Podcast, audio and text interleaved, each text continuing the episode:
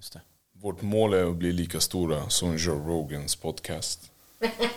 Minst va? Är inte han den största? Han är den största. Men då, då lämnar vi Göteborgs stad tror jag. Efter ett kontrakt med Spotify för 300 miljoner dollar så tror jag att man lämnar. Ja, jag tror också. Men det är väl där någonstans vi siktar va? Ja, vi är ju inte kvar i Göteborgs stad efter det. Nej, jag tror Då, jag skjuter ut med dem faktiskt. ja, men jag börjar med introt då. Hej och välkomna.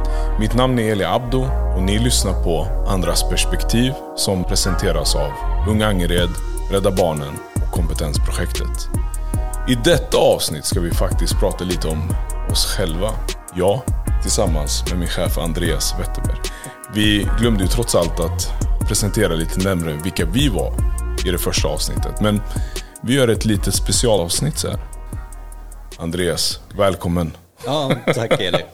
Eh, ja, nej, vi, vi lär oss ju medan vi håller på här. Det här eh, kanske man skulle ha gjort från början så att det blev lite logiskt vad vi ville med den här podden överhuvudtaget. Vilka vi är och, och sådär. Men nu är vi ju igång och två avsnitt är ute. Eh, kompetensprojektet. Eh, det säger väl sig självt på ett sätt att vi vill ge en bild av vad kompetensprojektet är för något och hur det startade och så. Men eh, det blir lite mer sammanhang kanske om man också vi ger lite av en bild om vad vi, vad vi vill med det här och varför vi helt plötsligt ska börja podda. Hur länge har du varit här i Angered, Andreas? Eh, ja du, jag tror att det är 15 år ungefär Ja, som jag har 15, jobbat i, i Angered. Någonstans där i varje fall, 14-15. Eh, och eh, har haft en del olika jobb sedan man började här. Vi träffades ju när du började som fältare. Då var jag väl, eh, jobbade på något som heter Trygghetssamordningen i Angered, eh, här i Göteborg. Så jag började, jag, jobb, eh, jag har varit socialarbetare, socionom sedan 2000. Eh, och eh, jobbade i, i andra kommuner, Stockholmsområdet innan jag flyttade till Göteborg. Och då jobbade jag som socialsekreterare vid polisen. Jag var stationerad då på Angereds polisstation. På den tiden låg den i Angereds centrum. Det var en liten polisstation med ungdomspoliser och sen några andra som tog upp anmälningar och sådär. Men det var, det var vi två eller tre ungdomsgrupper tror jag, eh, hos polisen. Varav, eh, och där jag då följde en av dem, jobbade skift och var ute på kvällarna i Angered och lekte tjuv och polis. Eh, satt i baksätet på en polisbil. Så var tanken att eh, vi socialarbetare skulle vara en länk helt enkelt mellan polisen ute på gatan och så socialkontoret. Så man eh, både skaffade en massa relationer till ungdomarna som man lärde känna och även att eh, kunna länka över då. när polisen ingrep mot ungdomar eller man, man såg en oro så kunde inte det gå via polisen utan då kunde jag som socialarbetare direkt länka över den oron och även jobba lite grann med den ungdomen och familjen och så. Eh, var lite förtroendeskapande, var väldigt roligt. Lite grann som en brobyggare med relationerna. Ja, precis. Ja. Eh, sen var det ju såklart roligt att vara ute och, och åka med polisen också. Och med i olika situationer och ingripanden. Man fick en väldigt ensidig bild kanske av Angered. Det var väldigt mycket fokus på, vi träffade ju liksom inga skötsamma.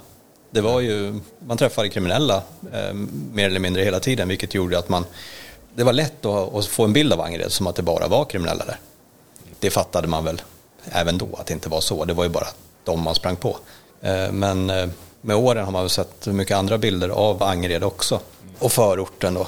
Eh, Och det är väl det som vi också vill visa. Jag tänker om vi kommer in på den här podden då, i samband med det så är det väl, det är väl de här andra sidorna. Båda sidorna helt enkelt som vi vill skildra. Eh, Men också vilket jobb som görs av en jäkla massa människor eh, som är här ute. Och lite vilka olika saker vi har, har gjort och så genom åren. Vad skulle du säga var den största utmaningen för dig liksom, när du ändå började lite grann som socialsekreterare hos polisen och du berättade ju det här att du fick uppleva ett typ av perspektiv säger man. Liksom. Och sen att när du gick över från den rollen till en annan roll, vad var utmaningen där? Det ena är väl att även om inte jag var anställd hos polisen så tillbringade jag ju 80-90 procent av tiden på jobbet på en polisstation. Så att första tiden när jag lämnade där efter sju år tror jag det var så var det ju också att eh, på något sätt avgifta sig från, från polisens perspektiv. Inte helt och hållet men det blir som en egen liten bubbla, en egen värld och det, man stöter på ungefär samma personer och man, eh, man bygger upp en bild av området och, och de här personerna som är väldigt polisiär. Det, det drabbade ju såklart även mig eh, till viss del. Eh, och sen att ha med hela kommunapparaten att göra. Jag var, nu hade jag haft det tidigare när jag jobbat i andra kommuner. Men man hade efter sju år lite glömt bort hur mycket, hur mycket krångligare saker och ting är i en kommun i jämförelse med en liten polisstation där man kunde bestämma det mesta själv egentligen. För man var ute också på kvällstid väldigt mycket. Där det fanns inte så många andra att fråga, man fick ju ta beslut då på plats.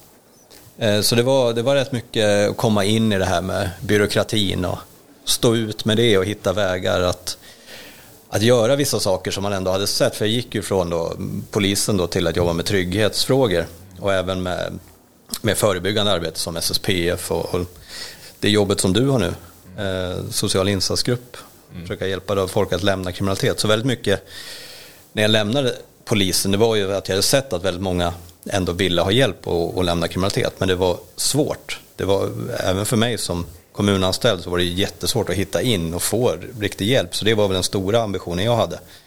Att vi skulle bygga upp en verksamhet där vi kunde ta emot de som ville eh, någonting annat, ville lämna kriminalitet. Så det var, det var mycket av det som jobbet gick ut på i första åren där i Angered. Det är ändå ganska intressant att följa den resan lite grann. För det som du sa, jag kom in som fältare i början. Och när vi började jobba så var väldigt många ungdomar som ville ha hjälp med sysselsättning. Eh, hitta andra vägar, andra alternativ. Och eh, på den tiden när jag lärde känna dig också, liksom, när du jobbade som SSPF-koordinator. Eh, där började vi uppmärksamma de här sakerna och se och vi började känna att det behövs göras mer här. Och med den erfarenheten och bakgrunden du hade redan, i och med att du hade varit i stadsdelen ett x antal år, fler än oss andra, eh, så började vi slå ihop våra huvuden och tankar lite grann. Hur, hur gör vi? Och där föddes ju den idén som ni redan har lyssnat på om kompetensprojektet till exempel när det gällde sysselsättningar och fånga folk som har föll mellan stolarna eh, och hur man får dem in igen. Men sen var det ju frågan också hur hjälper vi individer som kanske inte vill vara i kriminalitet. Många, det är ju inte så att man på egen hand säger jag vill vara i det här. Utan det har ju med olika faktorer, alltså olika livssituationer som påverkar alla Absolut. människor. Och, och, där så börjar vi diskutera vad vi kan göra mer förutom sysselsättningsfrågan. Och där kommer vi egentligen in också på den här resan om när du var med och startade upp den här enheten, Ung Angered. Mm, ja men precis. Så kan jag säga, vi, ett eh, kommande avsnitt här i podden så, så har vi ett samtal med Bettan Byvald och, som var min kollega på trygghetssamordningen. Eh, där vi drev de här frågorna väldigt mycket tillsammans också och tillsammans med Anders Berntsson och Valdemar Ryggmark mm. som berättar om vårt gemensamma arbete med att jobba också med att förbereda människor som är Eh, vill ta steget ut från kriminaliteten och vilka utmaningar som det innebär och de tankemönster som man, som man har skaffat sig genom det kriminella livet eh, och vilka förutsättningar som, som man har. Och det blev ett väldigt intressant samtal och, och det var ju väldigt mycket av det vi grottade med, grottade med, brottades med eh, i början där. Hur, vad är det vi ska erbjuda dem då? För det är, också, det är också en svårighet för att eh, när du ska lämna kriminalitet, du tar steget, du vill fråga någon. Så var det, det var ju både att jag var extremt förknippad med polisen på den tiden. Väldigt många av dem som var aktivt kriminella hade ju träffat på mig tillsammans med polis. Vilket gjorde att man kanske inte hade fullt förtroende för mig heller. Därav väldigt, väldigt viktigt att knyta liksom, ihop arbetet med er på fältet som var mer som inte var förknippade med, med polis och, och fienden så att säga på det sättet. Och som också hade andra perspektiv. Eh, men också att när man söker den hjälpen så det är väldigt få som kommer att säga så här, hej jag vill ha hjälp med mina tankemönster. Eh, jag tänker tokigt här, jag tänker så kriminellt. Det, det är ju ingenting man själv liksom, eh, riktigt har eh, uppfattat. Eller tänker, man kommer inte på det själv utan det är någonting som man behöver lära sig och, och reflektera över. Vad de tankarna och de besluten man tar, vad det leder till. samtidigt som istället så söker man ju kanske för att man vill ha ett jobb, man vill ha hjälp med en bostad, man vill göra en, få ett vanligt liv. Eh, och då gäller det att kunna kombinera de här två sakerna. Att säga så här, ja absolut vi ska hjälpa dig med det här nya livet och de här vanliga sakerna. Samtidigt så ser vi att du behöver hjälp och behandling eh, för din situation. Och det kan ju det är både tankemönster och missbruk och, och annat så. Man måste ha hela paketet. Det var väl det vi lärde oss. Vi kan inte bara kan inte bara jobba med de här vanliga sakerna för då kommer inte det funka. För då kommer man att ta fel beslut, man kommer ha fel beteende. Eh, man är inte rustad för att klara jobbet, klara eh, sköta boendet och allt vad man nu ska göra som, som vanlig vuxen. Men vi kan inte heller bara säga så att du ska gå och prata med några, några gubbar här. För det, det kommer man inte fatta vad, vad, vad syftar det till. Det hjälper ju, man behöver ha helheten och det var det vi försökte skapa. Och där då kompetensprojektet som, som vi har berättat om här nu i två avsnitt eh, är en sån stor del där man kunde koppla på arbetsträning. Eh, men också som är som ett riktigt jobb. Där man också får växa och känna att man, att man är så att säga, en vanlig ungdom, ung vuxen. Och det har ju vi också sett vara ett vinnande koncept också. Alltså även för oss när vi var ute i fältet, när vi lärde känna de, både barn, ungdomar och unga vuxna för den delen. Då var det väldigt mycket om att eh, vad vi kunde hjälpa dem. Och för att liksom kunna förstå sig på deras omständigheter. Och vi märkte ju ganska tidigt på att när, om vi hjälpte någon med CV-skrivning eller hjälpte deras småsyskon få jobb. Man skapar ju relationer för att man ville också visa att vi är genuint här för att vi ville stötta och hjälpa till och förstå vad är det vi kan göra för att förbättra olika situationer. Eh, hur ska vi använda oss själva som verktyg ute på fältet? Och att de kunde använda oss också. Mm, precis. Sen är det ju så viktigt eh, när man är ute, som jag var där hos polisen, som ni var som fältare, att man, man är utskickad, man är, ni var anställda av, eller jag också, anställd av kommunen, av socialtjänsten. Och då måste man ju också ha verktyg. Man, det är ofta så blir man själv verktyget. Man ska försöka motivera någon att sluta eller göra någonting annat. Men man har ingenting direkt att komma med. Man har bara sig själv med vissa enkla saker. Men för att skapa det förtroendet så måste man ju ha någonting, liksom hårdvaluta att komma med. Då behöver man ju ha, kunna prata jobb eller kunna komma in. Många vill ju också ha en väg in på SOS kanske. De behöver hjälp med sin situation i hemmet, de behöver eh, hjälp med ekonomiskt bistånd, det kan vara massa saker.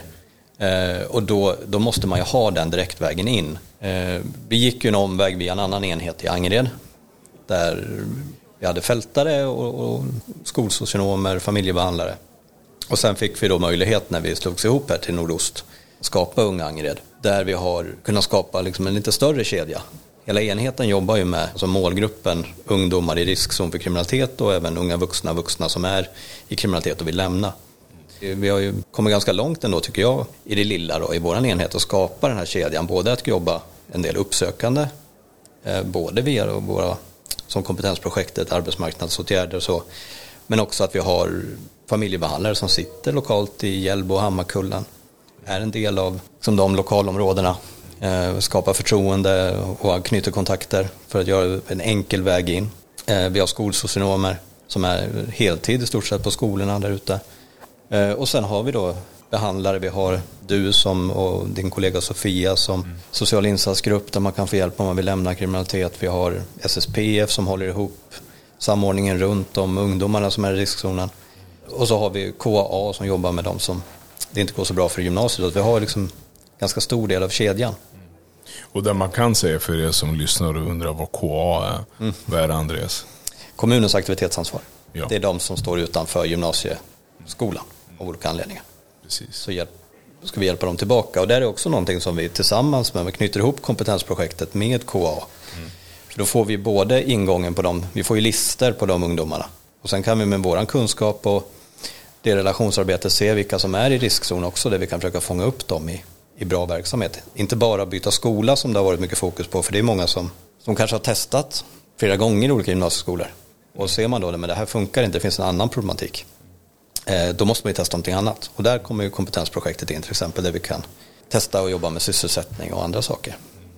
Eh, vi har ju varit här i Angered nu några år eh, och jobbat och vi har delat många liknande tankar över hur man hade kunnat se arbetet gå framåt för att hjälpa så många som möjligt som inte vill vara i den atmosfären och visa dem att det finns andra vägar att gå.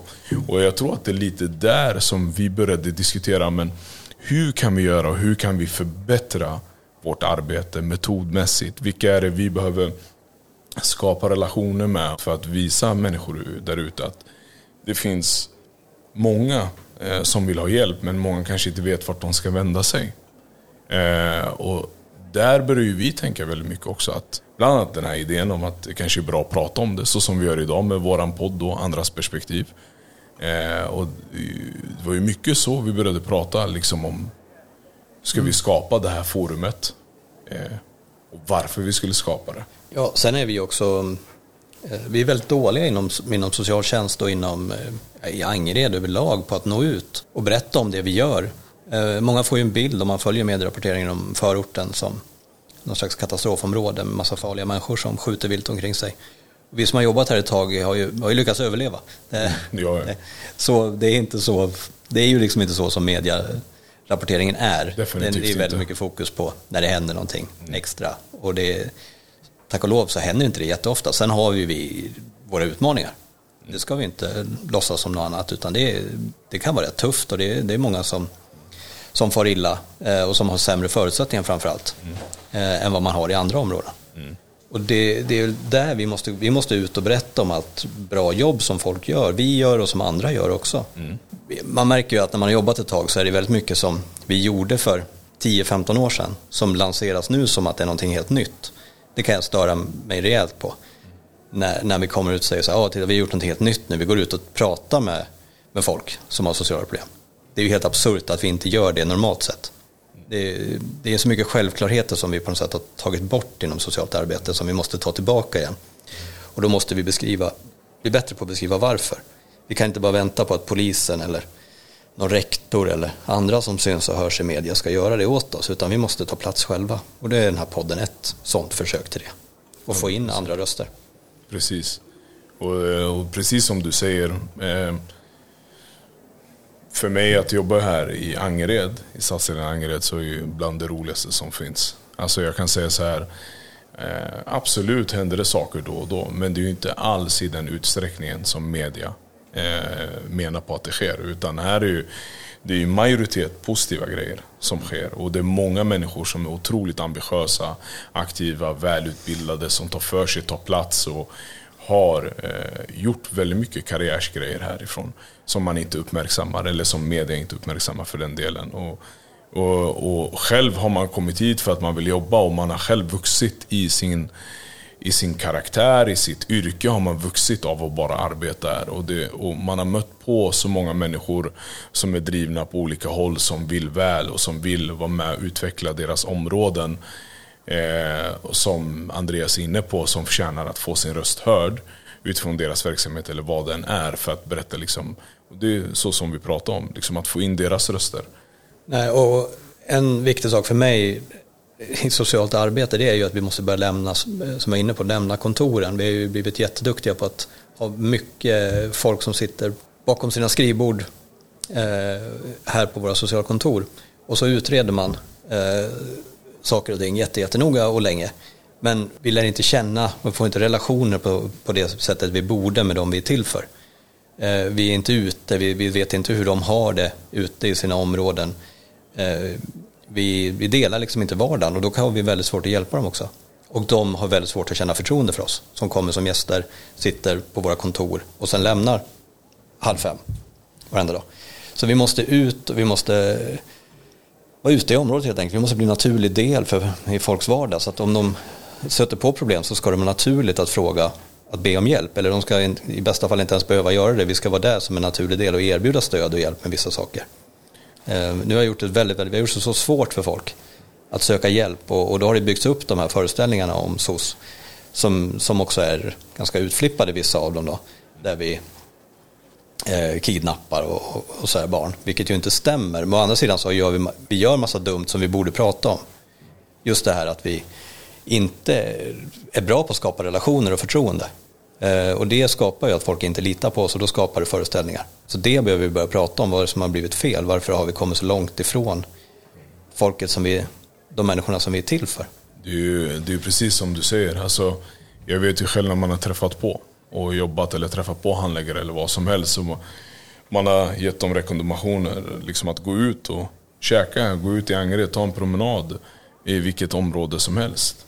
Alltså, du lär ju känna området, du lär känna folket. Och det, alltså, kommer du ut och ser mer så får du en större förståelse också för folket. Och det, har man ju, ja, och det har man ju också lärt sig att det är otroligt mycket mer förtroendeskapande att när det kommer någon och söker hjälp kanske för sin kriminalitet och så får prata med någon som, som fattar åtminstone någorlunda hur, hur ser situationen ut där ute? Vilka, vilka gäng finns det? Vilka personer finns det? Vilka miljöer är farliga om man har hamnat i en sån situation? Så att man inte behöver förklara allting liksom från noll, från scratch till en, till en person som aldrig har satt sin fot där ute. Det blir väldigt mycket svårare. Så det, där får man ju väldigt mycket gratis också om man ändå har varit ute, lärt känna eller förstå sammanhangen som folk är i. Så kan man också förstå hur tufft det är. Man kan också förstå varför det är ganska lätt att hamna lite snett man växer upp i ett område som Angered. Eh, det är nästan mer häpnadsväckande att inte fler gör det med de förutsättningarna som vi har skapat med mm. skolor som inte lyckas, med boendemiljöer som inte är okej, okay, med som vi har monterat ner eh, servicen i områdena, affärer flyttar ut, banker, mm. bankmater, alltså apotek. Allting flyttar därifrån för att det inte finns så mycket köpkraft. Mm. Eh, och det är klart att då känner du dig utanför samhället när du växer upp och att eh, man inte är liksom fullvärdig medlem i samhället. Och det är klart att man då har lättare att, att bryta mot vissa regler mm. också. Så det är nästan mer förvånande att inte fler, fler gör det. Men det, det, har man ju, alltså, det har man ju märkt också. Det märkte vi när vi fältade. Liksom. Man blir lite förvånad över att kanske inte fler hamnar där, men det säger också en hel del om den ambitionen folket har. Trots de förutsättningarna de får, där man kan känna sig extra utanför samhället. Eh, man har inte samma tillgångar kanske som andra stadsdelar som är lite rikare. Eh, ser man ändå att majoriteten gör det bästa av vad de kan göra utav ja, den situationen. Men men det, ja. Ta bara, jag tänker på andra avsnittet här som, som vi precis släppte. Eh, den där fantastiska ungdomen Artin. Mm. Som, eh, som beskriver hur han växte när han, när han fick eh, förtroendet. Mm. Han fick ganska ung ålder gå in och vara först sommarjobba och sen vara ledare och, och mentor och, och, så för andra ungdomar.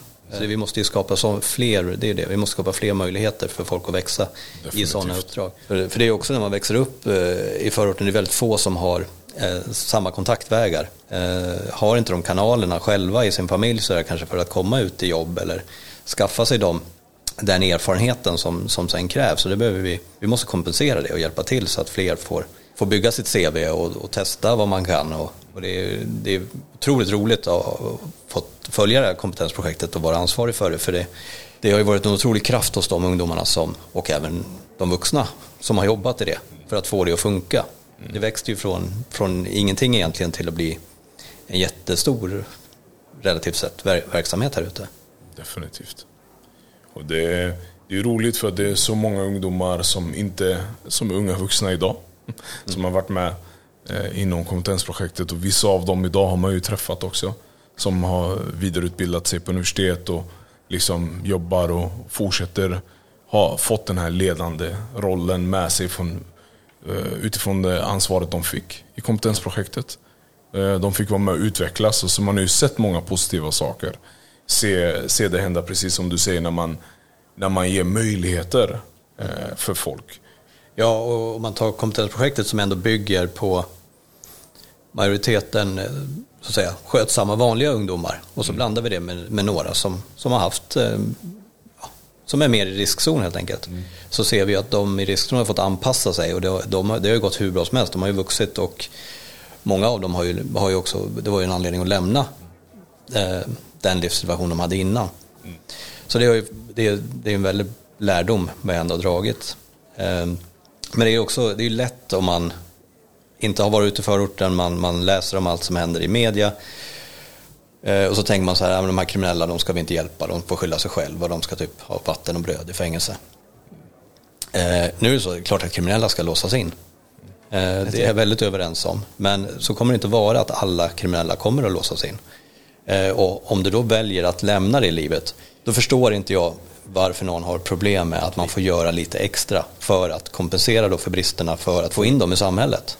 Det är så otroligt mycket vinster, både ekonomiskt men också eh, för de här individerna och för familjen och hela området det väldigt skillnad för om man kan få ett antal att lämna det i livet. Definitivt. Och det är väl de perspektiven vi också försöker lyfta in här i podden. Mm. Bland annat då via det samtalet med Ajo Valle och sen har vi Kristina Ahlstam som är forskare i ett avsnitt mm. som kan ge lite mer forskningsperspektiv på saker och ting men också mm. belysa eh, riskerna med, med politik, en samhällsdebatt som bygger en del på eh, att utmåla de som bor i förorten som som problemet. Vilket vi tycker att vi gör alldeles för mycket. Det som är väldigt intressant tycker jag, och jag tror också att du delar den åsikten med mig också, är ju att precis som du var inne på, att just om man får folk att lämna och att de ser att det finns den möjligheten att lämna och man ser att det går bra för dem så blir det också en kedjeeffekt. Och sker den kedjeeffekten så tror jag att den går också ner i åldrarna. Och att det, mycket av det som vi har pratat om idag, det är ju därifrån. Jag minns att jag du satt ju på en konferens. Just det. Eh, vi hade den, inte... Den var rätt tråkig va? Den var rätt tråkig. Sanning. Den var, den var väldigt tråkig. Och eh, det var skönt att min chef tyckte samma sak så vi gick ut och satte oss. vi gick ut och satte oss i lobbyn. Och vi diskuterade kring den här podden. Vi, vi diskuterade och tänkte så här. Ja, men vi vet vad det är vi vill. Eh, men vi hade inget namn för det. Och då pratade ju vi. Liksom, ah, men vad ska den heta? Vad ska den heta? Och så hela tiden, jag och Andreas satt ju och berättade liksom, ah, men du vet, det är så viktigt att få deras röster hörda, det är så viktigt så, så, så. Så föll det naturligt för oss. Och där mm, kom ja. namnet. Ja, ja, men det var väl var du som döpte det. det var klockrent. Ja, med hjälp av dig också. För att jag tror vi båda fick den här, in, det bara poletten trillade ner över att eh, ja, men det är ju andras perspektiv vi pratar om egentligen. Mm. Och, eh, och, och, här har ju ni fått höra lite mer om oss också lite grann. Eh, och det är det som är intressant och jag hoppas att ni som lyssnar även på den här podden ska få till er flera perspektiv och infallsvinklar och eh, ta del av flera inspelningar som kommer framöver som Andreas lyfte upp här som är ganska intressanta avsnitt som väntas att släppas. Mm, de kommer här framöver. Eh, sen så ska man ju lyssna på de två vi har släppt. Definitivt. Det, både för att höra lite grann hur resonemanget gick när vi startade kompetensprojektet men kanske framförallt för att lyssna på mm. eh, Artin som har gått EU som har varit ungdom och sen nu är, är ledare själv. Eh, häftig resa som han beskriver. Mm. Det är ganska häftigt att mm. höra en persons utveckling.